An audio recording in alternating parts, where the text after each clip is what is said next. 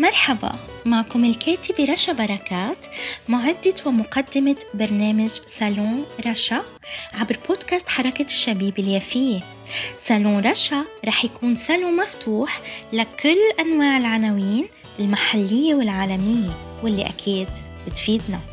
اسمعونا على منصات التواصل الاجتماعي والتطبيقات سبوتيفاي بودبين جوجل وابل وطبعا على الفيسبوك بصفحتي بودكاست حركة الشبيب اليافية وحركة الشبيب اليافية سالون رشا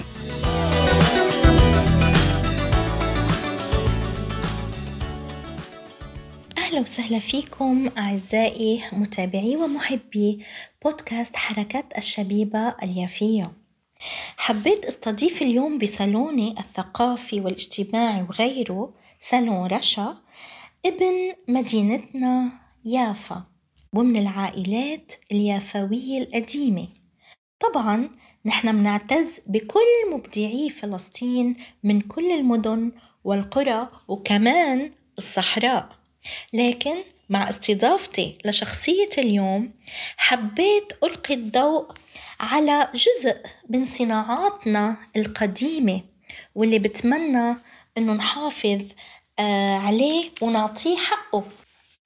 صناعة وبناء وصيانة العود الشرقي الأستاذ إبراهيم أبو رماني. طبعا الأستاذ إبراهيم أبو رماني مثل ما ذكرت قبل هو من مدينة يافا الفلسطينية وكان له بالمهنة وبهالفن من الثمانينات. ومع هالحرفة الجميلة كتير والمميزة خلينا نعرف أكتر عن شخصيتها المبدعة.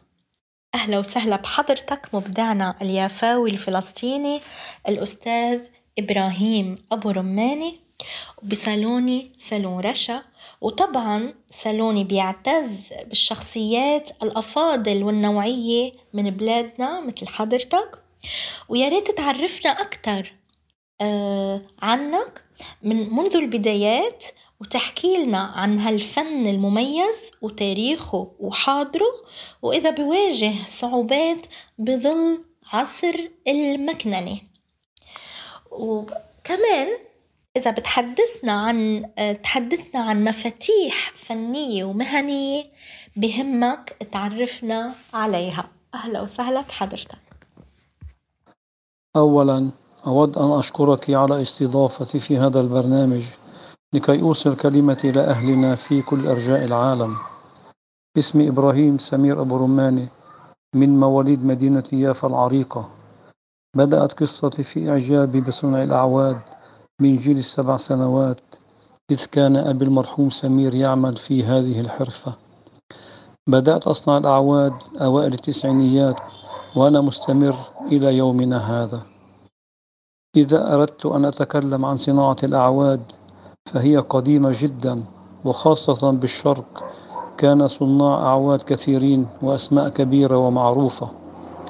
بالنسبة لصناعة الأعواد في يومنا هذا والتكنولوجيا والآلات الكثيرة التي يمكن أن نستخدمها في صناعة الأعواد ولكن أكثر المراحل في هذه الحرفة تكون عمل يدوي لأن العود يطلب الدقة والتميز وخاصة الإحساس العالي.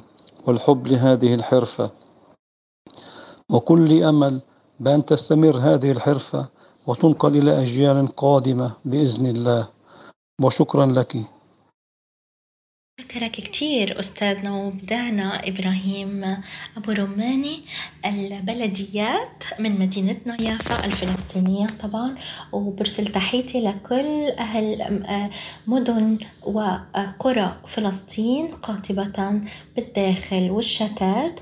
وبهيك أعزائي المتابعين بكون ختمت حلقتي لليوم بصالوني صالون رشا. طبعا تقدروا تسمعوها عبر منصات التواصل الاجتماعي بودبين أبل جوجل سبوتيفاي وكذلك عبر صفحتي حركة الشبيبة اليافية وبودكاست حركة الشبيبة اليافية. صالون رشا.